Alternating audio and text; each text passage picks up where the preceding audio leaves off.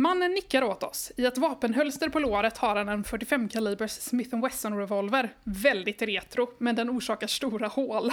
Jag har själv skjutit med sådana.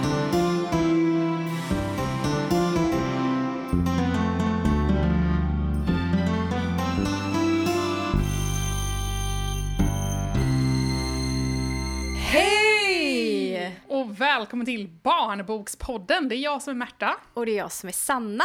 Och idag så ska vi prata om Kepler 62, en översatt bokserie från finska faktiskt, av eh, alla spännande språk. Höll jag på att säga, det är som att så här, finska skulle vara så här annorlunda än andra språk, men det är inte engelska i alla fall. Nej men precis. Eh, utgiven på Bonnier Carlson här i Sverige och den är alltså skriven av Timo Parvela och Björn Sortland. Björn Sortland måste det bli då om det är norska. Och illustrerad av Pasi Pitkänen. Pitkänen, Pitkänen, förlåt. Anywho. Och vi har läst de två första böckerna i den här serien som består av tio böcker. Eh, för det, de två första böckerna släpptes samtidigt här i Sverige. Ja men exakt. Och första gången de kom ut eh, på finska då, det var ju 2015. Översättaren har jobbat långsamt. Nej jag skojar. Nej, översättaren, eh, om det bara är en så har den legat i för att eh, den har ju översatts till 18 språk. Marjut Hökfält är det som har översatt den också, kanske vi ska nämna. Också ett spännande namn, Marjut. Ja. Jag älskar det. Och nu har vi råkat så prata innan, eh, så att vi är ju redan, jag bara, vi är redan lite osams. Ja, vi hatar varandra nu. Sanna tyckte att den första boken var den bästa av de två och jag tycker att bok nummer två helt klart är den bästa. För att de har ju en lite annorlunda, vad ska man säga, samförfattningspraxis här. De skriver alltså inte alla böckerna ihop, eh, Timo och Björn, utan eh, de turas om. Mm. Vissa av böckerna följer ett syskonpar, Ari och Joni, och vissa böcker följer Marie. Så de böckerna som du tycker om, om Marie, de har alltså Björn, eller Björn. Nej, Björn! Jag, jag, nej just det, nej precis det måste ju vara Björn. Alltså Ja, det förlåt, vara det här är ju bara, det här är ju bara pinsamt. Jag bara kände att det blev som ett så här urtidsdjur. Det är Björn som... Ja, en Björn. Eh, ja, och så är det då... Akta dig för Björn. Ja, precis. Och sen så är det då Timo som har skrivit de böckerna som jag tycker om. Och vi kommer då noga gå igenom varför jag gillar det ena och inte... Men jag, det är inte så att jag inte gillar den andra boken. Men det gick från att jag skrattade jättemycket till att jag blev, det blev mer allvar liksom. Och jag är ju mer för att ha kul. Och jag är mer för blodigt allvar, jag är så otroligt tråkig. Jag eh, tyckte att eh, alltså, bok ett var lite för hetsig, det går väldigt snabbt, han vill få saker överstökat, medan jag upplevde att det var betydligt mer stämning i, i bok nummer två, Inbjudan. Även om det inte var så här typ skratta högt haha så tyckte jag att det var mycket smarta formuleringar och jag tyckte väldigt mycket om Marie som karaktär och jag tycker att hon är gestaltad otroligt fint. Jag kan ju hålla med om att den första boken är lite snabbare. De, man ska liksom etablera hela den här världen för det är ju då en dystopisk framtid så att liksom Timo har ju ändå haft väldigt mycket på sina axlar här. Att, Exakt, och det bästa var att jag tänkte verkligen på det när jag läste andra boken. Jag bara, men alltså tycker jag att den här är bättre för att jag redan har fått allting liksom sammanfattat i första boken. Så att Björn inte behöver lägga någon tid på alla de här infodumparna som Timo har, eller liksom, alltså jag tror ändå, jag vill tro att jag hade köpt det som stod i andra boken, även om jag inte hade läst, fått liksom sammanfattningen så att säga i första boken. Men det, det är ju svårt att veta så här i efterhand. Men ska jag börja berätta då om min favoritbok i Kepler Ja, det tycker jag. 62-serien? Eller hittills i alla fall. Den heter ju då bok 1, Inbjudan. Och eh, som jag sa då så är det, ju- det utspelar sig i en dystopisk framtid där jordens resurser har eh, börjat sina och medan liksom det ändå är vi är på väg mot någon slags överbefolkning. Och eh, Ari och Joni då som de fokuserar på i den här boken är då två bröder Ari är storebror och Joni är lillebror. De bor tillsammans Obviously. Men, Som eh, syskon ibland gör. precis, innan man, eh, ja. Men däremot så bor de inte, eller har de inte sin mamma hemma hos sig som eh, de brukar ha för att mamma är iväg och försöker skaffa typ jobb, mat eller bara egentligen vad som helst beskriver Timo det som. Alltså såhär någonting Mm. som typ en möjlighet, ett drägligare liv för att det är Mm. så otroligt eh, fattigt. Och den stora snackisen i världen är då ett datorspel. Så det här är ju en datorspelsbok, höll jag på att säga, men det, det har vi ju inte pratat om än. Nej men jag tänkte säga, och jag tänker ju hävda att den inte är det, för att den är, det här datorspelet är ju, är ju med procentuellt helt extremt lite i relation till hur mycket det så här känns som det pushas Ja. i baksidestexten. Så att det känns som att de bara, Åh, hur får vi dagens ungdomar på kroken? Bara, vi, sk- vi skriver en bok eller ger ut en bok eller vem det nu är som, har, så här, som handlar om datorspel, för det gillar ungar. Nej men det Eh. tycker inte jag att de, det är inte så de har tänkt. Okej jag kan dra tillbaka att det inte är en serie som bara handlar om datorspel, det inser jag också för att eh, det här datorspelet ja, men kommer ta dem till eh, en plats eh, kan man säga. Det kanske du kommer mer in på i din bok. Men, eh, men den börjar ju så, alltså det är ju liksom starten till det hela. Nej men så den stora snackisen i världen är ett datorspel som heter Kepler 62. Alla pratar om det och det är ganska svårt att få tag på och det liksom kostar ju en hel del och alla har ju inte så mycket pengar men eh, liksom alla vill ha det, alla vill spela det. Eh, när vi först möter då Joni, nej Ari menar jag, då är han i en butik och eh, försöker stjäla det här eh, spelet. Men eh, lyckas inte med det. Han, jag antar att han stjäl det för att eh, han inte har några pengar. Ja precis, man förstår ju att de, den största delen av befolkningen lever ju i total ekonomisk misär Mm. i den här framtiden. ja men precis. Men däremot så får han, lyckas han sno lite käk och sådär till han och hans brorsa. Och så när han kommer hem då så eh, då möts han av Joni som tydligen har bara fått en kopia av det här datorspelet. Från en snäll tant. Från en snäll tant. Man bara, vad har din mamma lärt dig? Exakt! Ta inte emot datorspel från främmande tanter. ja, nej men i alla fall, de blir, är ju båda lite såhär eld och lågor och bara shit alltså, okej nu måste vi spela det här spelet. För det sägs då att det finns typ 99 nivåer i spelet, men också sen en hemlig nivå som ingen har klarat, ingen liksom vet riktigt vad den går ut på, det finns liksom inga cheats att hitta på internet. Nu kan jag få lov att säga internet till skillnad från förra, för, förra Exakt, nu avsnittet. får du säga internet för nu är det framtiden, då har de uppenbarligen internet. Ja men precis. Och det sägs då också att när man klarar den här nivån så ska man få någon slags inbjudan. Men samtidigt så håller ju då regeringen på att försöka hitta ett annat solsystem eller annan planet eh, som man kan leva på eftersom jordens resurser håller på att ta slut. Så att man liksom såhär, mm okej, de här spelen, det här spelet och det regeringen håller på med verkar vara sammankopplat på något sätt. Mm. Och just det, och så ryktas det också om att det finns en norrman, Halfman Halfbiscuit 05, som han då nickar lite käckt. eh, han Vilket är... också är helt underbart bra internetsnick. Det måste vi prata om sen, vad vi, olika nicknames vi har haft i, i eh, våra datorspelskarriärer, du och jag. Oj, jag älskar att vi förväntas ha haft olika. nej, nej men jag vill höra om ditt tråkiga typ Musse Pigg 1900... Jag skojar.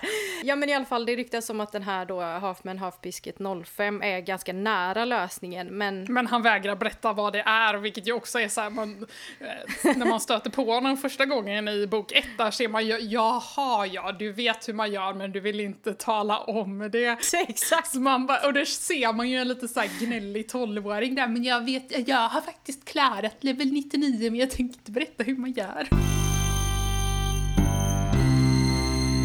Ja men över till eh, din bok då, bok två. Ja, huvudkaraktären i min bok heter Marie och hon är eh, lite mer taktisk. Hon har ju också hört att man kommer få något fint liksom om man klarar det här spelet. Och hon, även om hon gamer så är hon liksom inte så här skitbra. på spel. Så att hon bara, ah, ja men då eh, gör ju jag det enda rimliga. Jag lejer nämligen alla i min närhet som är skitbra på, på datorspel och så köper jag ett exemplar var eh, till spelet och så får de betalt för att spela igenom det här åt mig. För att hon har nämligen extremt mycket pengar. Mm, mm. Eh, till skillnad från då Ari och Joni som är, lever på någon sorts fattigdomsgräns och typ behöver stjäla mat för att överleva. Hennes pappa är vapenhandlare och typ utvecklar vapen, har ett företag som utvecklar vapen, jag vet inte om man gör alla vapen själv, men, men eh, de bor i alla fall i ett gigantiskt typ slott i princip. Och, eh, och där måste jag sticka in, la du märke till hur de beskrev det slottet? Jag bara nej. En blandning av en katedral, Gotham och Hogwarts. Ja, just det. Med privat flygplats. Precis, det är stort så, men pappa jobbar ju så mycket så att han är ju aldrig hemma och mamma har dött. Eh, Marie tror att hon har dött av typ ensamhet liksom. Eh, hon verkar inte heller ha haft så kul liv där, men nu är det i alla fall Marie och en butler och någon sorts hushållerska som bor där och de ska ju ta hand om Marie, men Marie är ändå rätt ensam kan man väl säga. Hon går inte ens mm. i vanlig skola. Hon gick i vanlig skola ett tag och så var hon lite kär i en kille som heter typ Erik va. Mm. Men han, när han liksom hörde att hennes pappa var vapenhandlare så ville inte han ha någonting med henne att göra mer och Marisa förstod inte problemet. Så bara, vadå, vapen är väl helt normalt? Det är väl inga, det finns liksom inga etiska implikationer här. Ja, ganska roligt. Men så att eh, hon är ensam och ja, och ville ha tag i det här spelet då, eller ha tagit sista nivån. Och eh, trots att det inte är hon som spelar färdigt spelet, utan det är då Half Man Half Biscuit 05 som vi träffar här igen. Och är såhär, jaha, det är en riktig person. och han har faktiskt varit nära lösningen, han har till och med löst hela spelet. Mm. Eh, och då får Marie då samma inbjudan som Ari och Joni får. Det som händer sen är ju att hon blir tagen eh, till Area 51 i eh, USA. Och där mm. håller de på och förbereder för att, eh, för en rymdexpedition ut till galaxen Kepler 62. Mm. Eh, vilket jag också tycker är fantastiskt roligt att det är ingen som har kopplat samman att alltså, spelet heter Kepler 62 och den här solsystemet de undersöker heter Kepler 62. Men det är väl inte sagt av regeringen att det är det de eh, undersöker, eller? Ja, jo men det måste det väl vara, för det är ju det som Joni kommer på sen, att men om jag matar in så här koordinaterna för det solsystemet, typ, så kommer det hända bra grejer. Jo, jo men så här är det ju, att spelet heter Kepler 62, så börjar ju Ari tänka så här, men varför har vi letat typ i olika forum på internet för att hitta lösningen? Och så googlar han väl på, just det, planetsystemet Kepler. han Ja, men han googlar väl kanske mer så här rymden, Kepler, jag vet inte. Nej men då kommer han ju på att så här, men det, fin det finns ju faktiskt ett verkligt solsystem, eller det finns ett solsystem, planetsystem eh, kallar de det här, som heter Kepler. Ja, och så testar de de koordinaterna, så det är ju inte helt... Okej, det hette i alla fall inte Kepler 62, det var ju... jag bara, det var ju för väl. jo, men en planet, alltså vissa av planeterna, eller det, det finns ju faktiskt längst bak i boken här, att eh, mm. i planetsystemet Kepler 60... Jaha, nej. I planetsystemet Kepler 62. Jo! Det heter Kepler 62. Ja, skönt. Så heter eh, planeterna 62b, 62c, d, e och f. Vad fan A blev av, det vet jag inte. Det kanske är solen. ja, men, ja men exakt. Jag visste inte att det fanns ett, ett solsystem, planetsystem som hette Kepler. 62. Men eller alltså, jag, vet, jag tänker att det här solsystemet inte finns på riktigt. Jo, jo, jo, det är det som är så sjukt. Jaha, du har googlat det liksom? Jag har googlat det.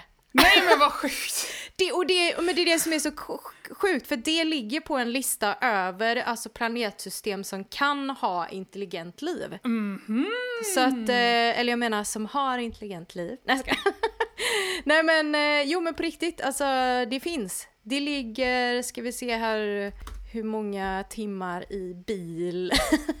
1200 ljusår från jorden. Vilket är helt obscent långt liksom. Det består av bland annat då stenplaneter med kanske då vatten typ och kanske till och med intelligent liv. Men det, det vet man inte än. Men alltså, då, jag bara paus här för att försöka reda ut detta. Det vet man alltså inte i boken att det är specifikt Kepler 62 som regeringen håller på att undersöka med alla de här rymdresorna? Nej! Ja, Okej, okay, då kanske jag har varit lite hård mot de här killarna då.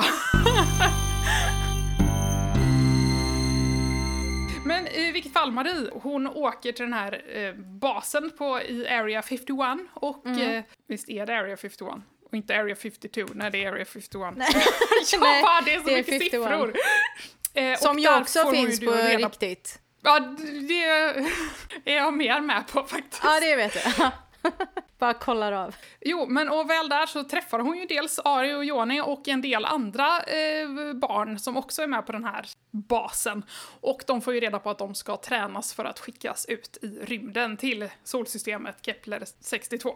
Och de får göra allt möjligt, de får lära sig lite så här, du vet, biologi och du vet, blandade vetenskapliga grejer. Och dessutom då så är ju Marie uppenbarligen där som vapenexpert för att hon är en- en jäkel på på att sikta på saker. Man förstår ju lite i andra boken att de har ju blivit utvalda. Exakt, det har ingenting med det här spelet att göra. De har redan blivit utvalda, vilket ju Äh. typ gör mig skitförvirrad för att jag bara, men vad skulle de med spelet till? Vilket också styrker min tes om att det är någon som har bara, åh, tv-spel gillar ungar. Nu ska jag komma på ett bra svar här.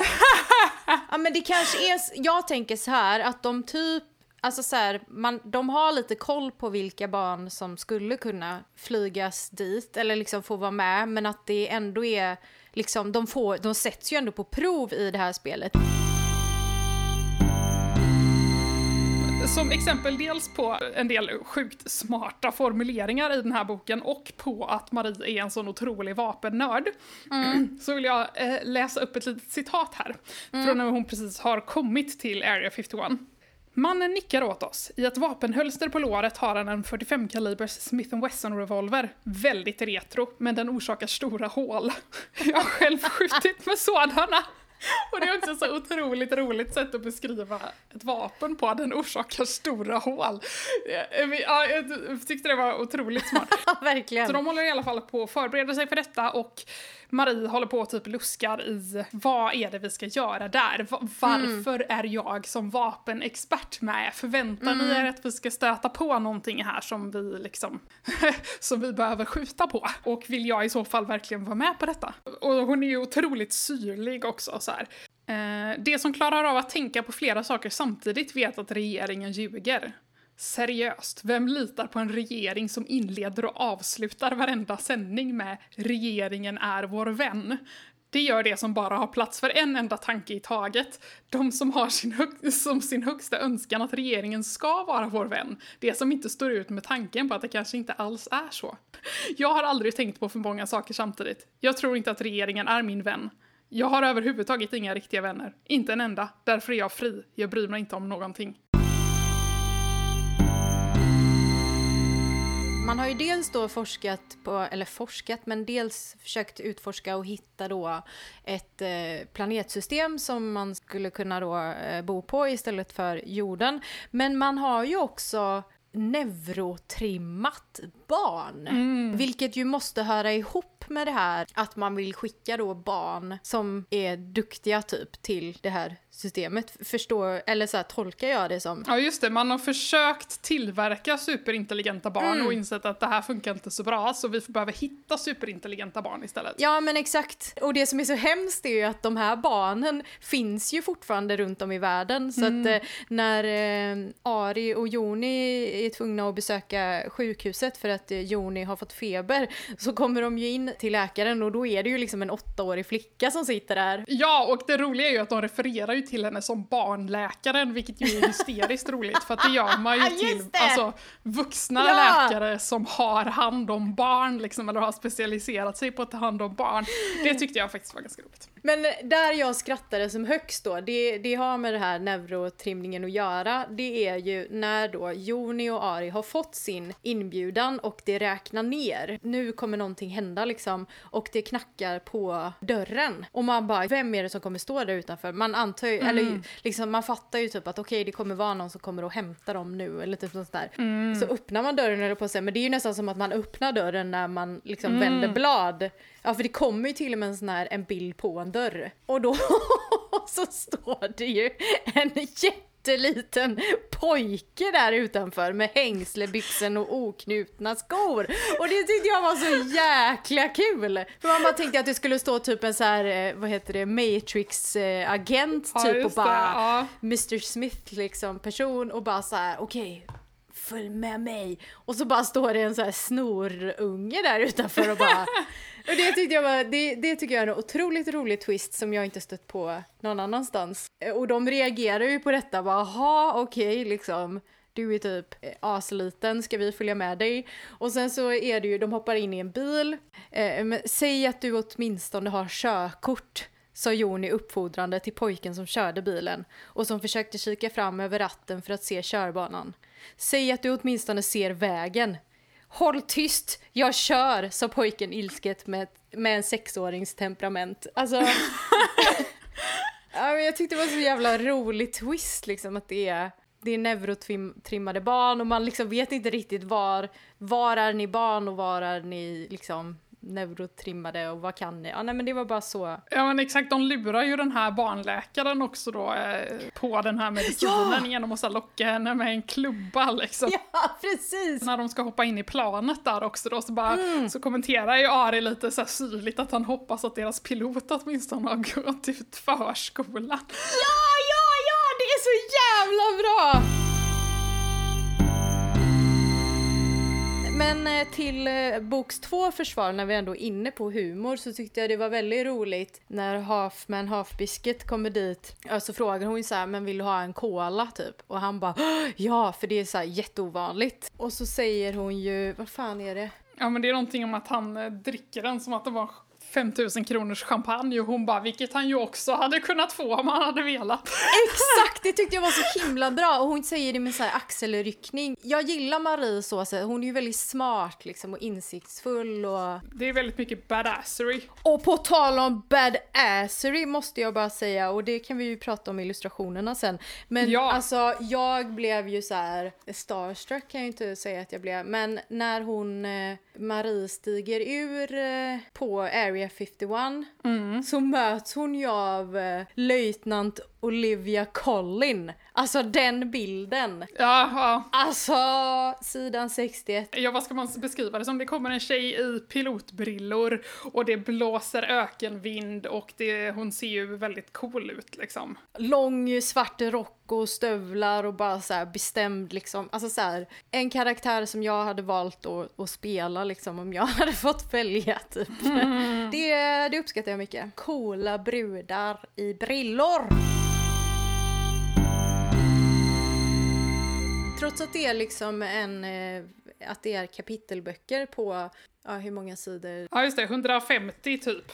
Ja, så är det ju ändå väldigt, väldigt mycket bilder och liksom så här heluppslag och de använder till och med bilder för att liksom Ja, det är ett otroligt filmiskt användande av bilderna. De använder Ja, dem för att liksom, alltså zooma in på detaljer och de använder Mm. dem för att liksom, eh, typ låta tid passera, de kan etablera en ny miljö eh, och det är väldigt så här, eh, typ den här om vi tar första boken till exempel, den här nedräkningen är ju genialisk. Eller hur? hela kapitel 15 eh, jag bara, jag kan Mm. typ läsa kapitel 15, eller jag kan liksom referera, kapi- eh, göra ett referat av kapitel 15 här. Eh, de har precis fått en nedräkning här och konstaterat att shit, nu behöver vi ta någon sorts beslut här kring det här. Nu har de fört in de här koordinaterna, eller typ som fungerar som någon sorts kod i det här spelet då. Eh, de kommer för att hämta oss, vi måste besluta om vi ska åka, viskade Joni och då ser man här liksom under där så är det liksom specialformgivet då, siffrorna med som lyser liksom så att man ser hur det räknar ner till 56. Och sen, vart då? Åka vart? Jag vet inte, bort härifrån. Och sen så hoppar den till 46, så att då förstår vi ju att det, de har hunnit prata här emellan, jättesmart. Eh, 45, och sen så bara fortsätter den att räkna ner. Och så fortsätter de att diskutera det här in emellan, så här, bara gud, jag vet inte liksom vad vi ska göra. Och sen så efter tre då så kommer det ett helt uppslag som bara är såhär två, ett. Liksom, Det är helt mörka sidor och så de här lysande siffrorna och så en nolla och sen så går man till den här dörren som på något sätt i den här eh, knacka på andan. Den är liksom illustrerad som en dörr på bägge sidor den här sidan och så står den här lilla killen utanför. Jätte, jättesmart. Det är mycket smarta lösningar och ja, som sagt ett väldigt, väldigt filmiskt sätt att använda bilderna. Så det är ju inte en seriebok liksom, men den har ju uppenbarligen både influenser både från serier och bilderböcker, tycker jag ändå att man kan säga. Mm. Och min favorit eh, är ju också, det är en jättemaffig bild i, liksom, i grodperspektiv när det regnar på den här jättestora borgen, eller som är liksom hennes hus. Jag tycker också att deras lägenhetshus, eh, Ari och Jonis, som också kommer ganska tidigt i den första boken, är också så här. det är läskigt liksom i arkitekturen. Man förstår verkligen att det är framtiden. Framtiden är obehaglig. Men en parentes innan vi fortsätter med illustrationerna, för att apropå att det är framtiden, vilket år tänker du dig att det är? Oj, men gud, ja, herregud, vad kan det vara? För jag har nämligen räknat ut det här. Jaha, de har alltså en, en eh, angivelse eller någonting? nej, nej, nej men för att det nämns nämligen i första boken här att de spelar Playstation 10. Alltså på eh, konsolen Playstation 10. Det bästa var, alltså fy fan vad roligt, för jag tänkte ex göra exakt likadant. Jag bara, men då borde man ju kunna räkna hur många år det går mellan varje konsol. Ja, för då räknade jag ut då att ja, men första Playstation släpptes ju då 94.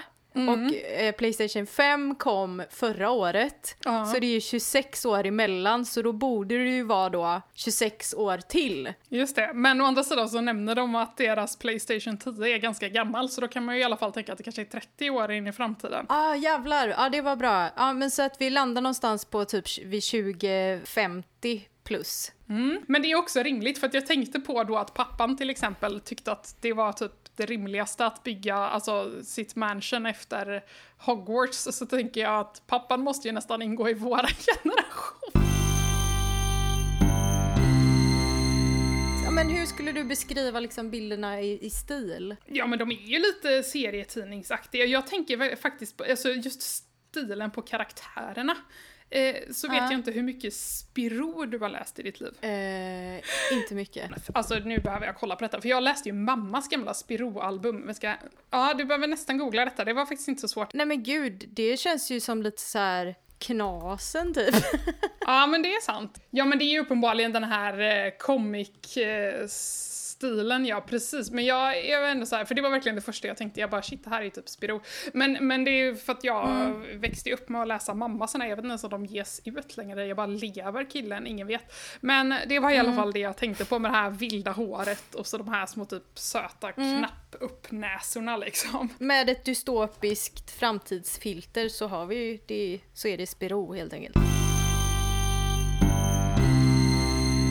Nej men alltså det här dataspelet, om man misslyckas tillräckligt många gånger med level 99 så stängs liksom hela spelet av och du kan aldrig starta det igen och det hjälper inte ens att, att köpa ett nytt spel säger de. Och jag bara nej det är för att det är på CD-skiva så att allting ligger lagrat på konsolen, du får köpa en ny konsol vännen. Så... Eh, nej men i alla fall, Och din kritik, Ja, förlåt, min kritik är alltså, eh, gud vad trist liksom.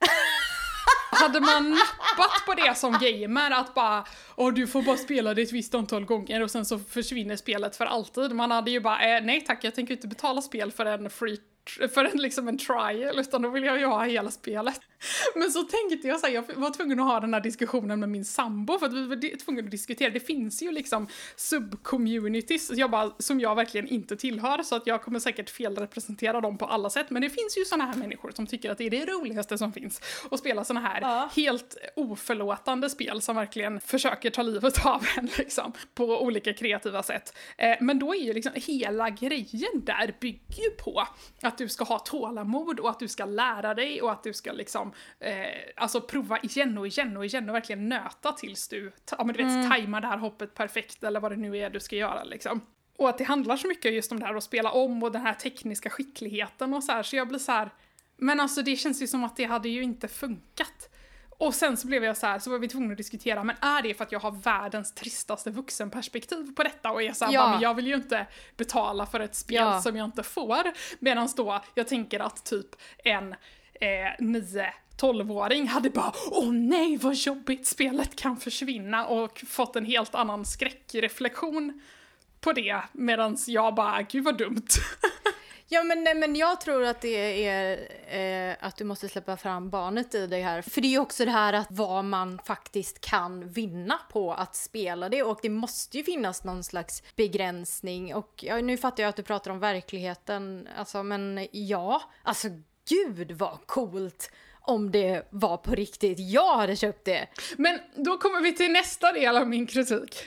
Vad är det för ett spel? Ja, nej, där kan de ju kanske hade kunnat kanske eh, det vet man inte. Eh, väldigt mycket inte. Det är någon sorts banor och sen så är det någon sorts vapen och, som man ska ha och hitta nya. Alltså det är väldigt så här, det är väldigt, väldigt otydligt vad liksom spelet går ut på eller vad man, vad det har för liksom element utan det är så här, och så beskrivs det lite som att det är verkligheten. Alltså jag får nästan lite intrycket av att de inte spelar spel. Nej, jag tänkte att du skulle komma till det och jag kan väl i och för sig hålla med jag kan hålla med om det, för ä- även om jag, de hade, de hade ju såklart inte kunnat liksom beskriva alla banor. Nej, nej men precis det hade ju blivit lite trist liksom. De hade ju kunnat eh, såklart förklara lite mer och också när de väl tar sig tiden att förklara den här sista banan. Den är faktiskt lite otydlig även den. De bara, åh man ska hitta typ en hemlig dörr i, i mörkret. Jag bara, eh, du menar att du har alltså en helt svart skärm och så ska typ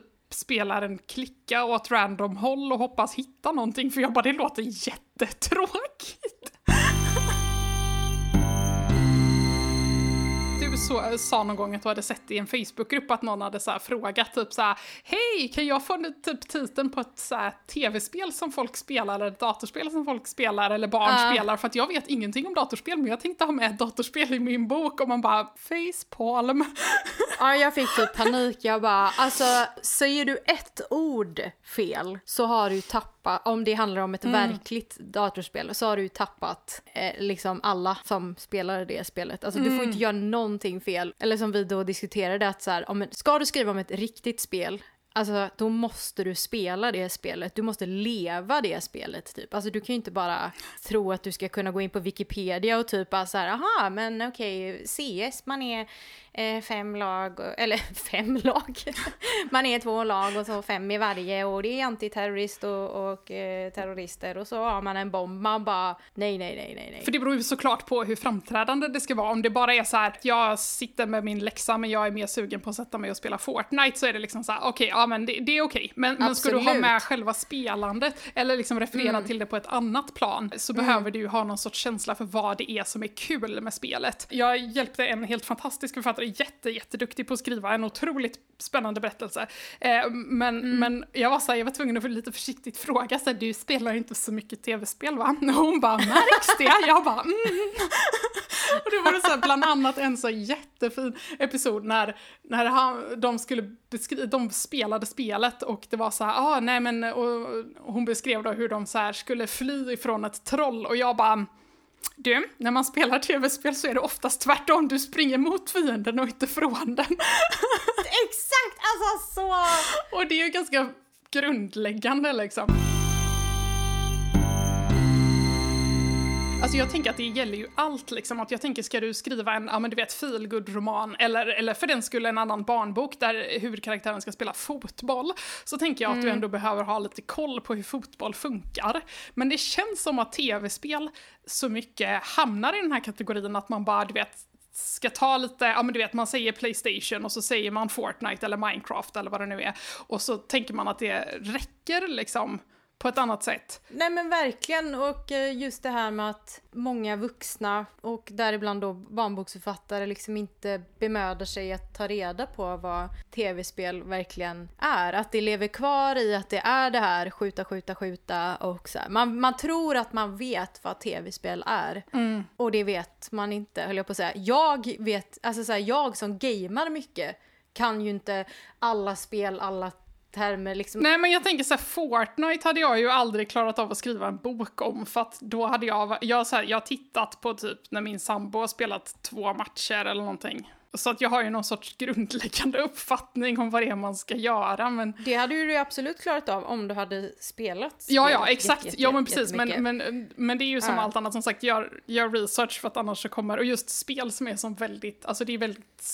spritt liksom som hobby. Eller alltså jag tänker att folk kommer Mm. ju, och som sagt, det känns som att man väldigt gärna vill, alltså att man lägger gärna in det för att man tänker sig att barnen ska relatera till det. Jag spelar ju mycket online och spelar med folk och så försöker jag så mycket som det går att spela med folk i min egen ålder. Vi har Mm. liksom en Discord-kanal där vi liksom försöker spela lite spel. Men ibland så ja, men har vi inte tillräckligt många spelare och då går vi över till liksom en annan server. Och då har jag ju spelat med yngre folk och då märker man ju liksom att mitt mitt eh, gaming-lingo är inte alls samma som de som man är bara yngre. åldrats väldigt osnyggt. när jag har spelat CS, nu spelar jag inte jättemycket CS men min sambo gör det, alltså då finns det ju smeknamn för olika, alltså på en karta så är det ju liksom, alltså kanske 50 stycken platser Mm. liksom som man, eh, så här, ja, o- s- han står vid Olof, han står vid tank, ba, ba, ba, ba, typ så här. Men det kan också vara olika från olika geografiska platser tänkte jag säga, men på internet typ. Till exempel så finns det ett ställe som många kallar för horhus. Det gör ju då inte min sambo och eh, Mm. Jag bara, det är, jag tänkte säga, det är inte så att eh, spelindust- eller spelandet är lite mansdominerat eller har en viss Ja, manlig äh, jargong? nej, varför säger du det? Men nu behöver vi inte spä på sådana fördomar, men det är det ju. Men, nej, men, liksom, men det gör ju min sambo och hans kompisar som är liksom väldigt fina människor, jag på att säga. De, de säger ju av uppenbarliga skäl inte horhus till den platsen för att det är osmakligt liksom. Det är eh, en djungel, så ger man sig in där så får man ha med sig en machete och vara beredd på att eh, stanna en stund liksom. Men alltså jag skyr ju online-spel som pesten för att jag bara, jag har så mycket trista berättelser om, ja men du vet, folk är ju, vet ju inte hur man beter sig på ett socialt acceptabelt sätt. Eh, Så att jag spelar ju bara single player-spel, men det är ju i alla fall lätt så sätt att du behöver inte göra bort dig inför någon, då är det ju bara att, det är bara att spela spelet. Eh, Ja, nej, men spela med främlingar är ju en chansning, alltså verkligen. Och vi försöker ju samla på oss liksom så här, någon som känner någon liksom, acceptera och så bjuder man in liksom till en stängd så här, eh, Discord-server. Mm. Där håller jag med dig om att eh, vill, det kan vara skönt att bara spela själv ibland när man har blivit utsatt för diverse svordomar. Och det hjälper ju inte heller att jag, eh, apropå nicknames, att jag heter Madicken. Vilket ju jag kanske inte insåg. eh, jag tänkte liksom inte så mycket mer än att ja, men det är ju ett roligt namn och jag gillar barnböcker och jag gillar namnet Madicken. Men det, det är ju inte så bra när man spelar med främlingar eh, att heta det. Det är faktiskt helt hysteriskt roligt. Ja, men, vad, men vad nickar du då? Även om du spelar själv så måste Ja, alltså man ju... jag, jag har ju spelat, jag menar vi har ju spelat med, med kompisar och så, jag har ju en Steam, eh, ett Steam-account liksom. Eh, och då är, kallar jag mig för Murt Murt, MRT, MRT. Ah, Eh, och det är liksom inte så roligt, det är bara det att mina kompisar på högstadiet kallade mig för Märt Märt. Märt, Märt. Vilket är så jättebarnsligt, men nu heter jag i alla fall Märt Märt på, som internetnick. Men vad fint! Då kan vi spela, eller spela, då kan vi skriva en bok ihop. Märt, Märt och Madicken.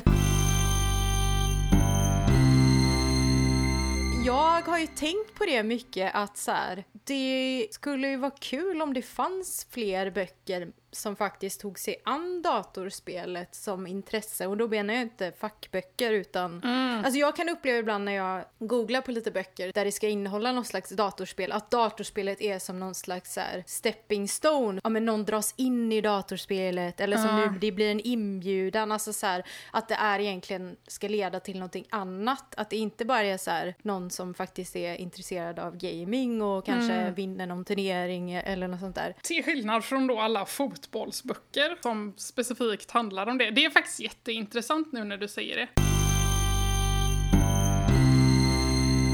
Vi lyssnade ju på ett jättemysigt litet panelsamtal från Bokmässan 2020 om föräldrar och barn och datorspel. Ja, det var ju eh, Jesper Englin som är utbildare för Female Legends, Rickard Nordin, riksdagsledamot och Jonathan Loda Berg, CEO och co-owner av Alliance, som satt och, och snackade. Hela grejen var ju att föräldrarna där, som var ju de som satt i panelen, de spelade ju också.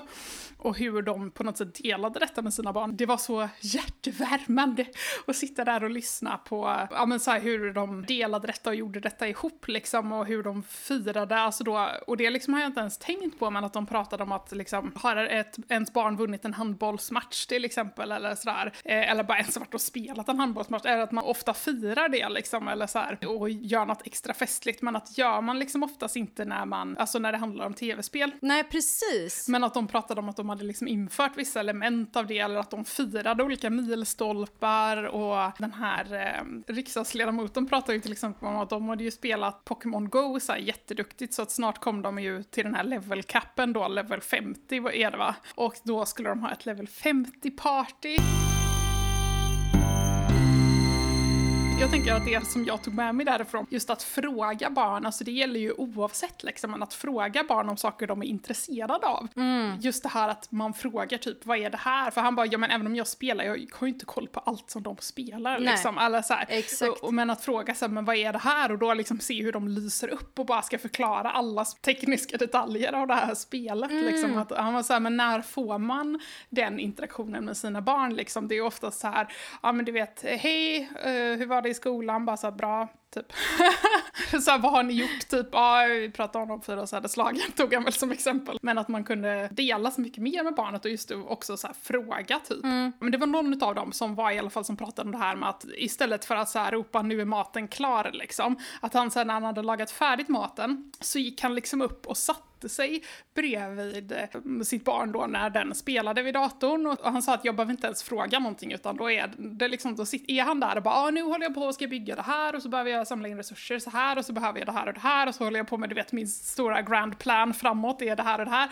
Han bara så jag behöver inte ens fråga någonting, jag har fått liksom, jag har fått inblick i vad mitt barn gör alldeles gratis. Och dessutom då så ser ju jag när det är ett bra läge att spara så då kan jag säga ja men nu sparar vi så går vi och äter.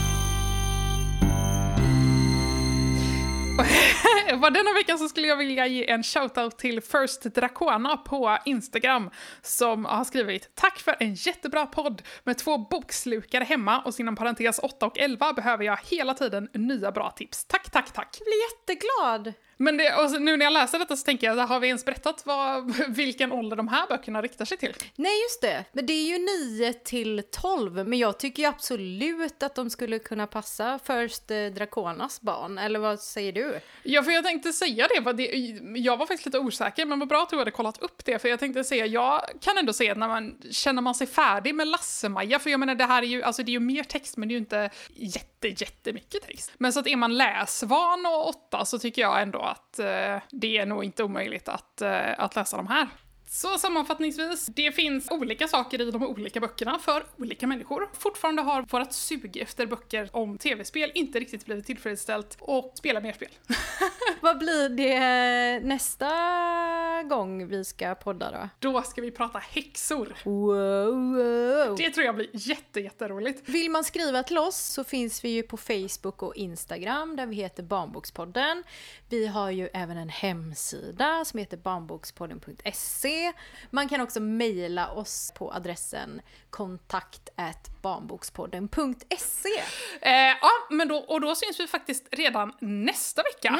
Och eh, tills dess så hoppas jag att du tar hand om ditt inre barn och kom ihåg att coola vuxna läser barnböcker. Ha det så fint! Hej! Hej.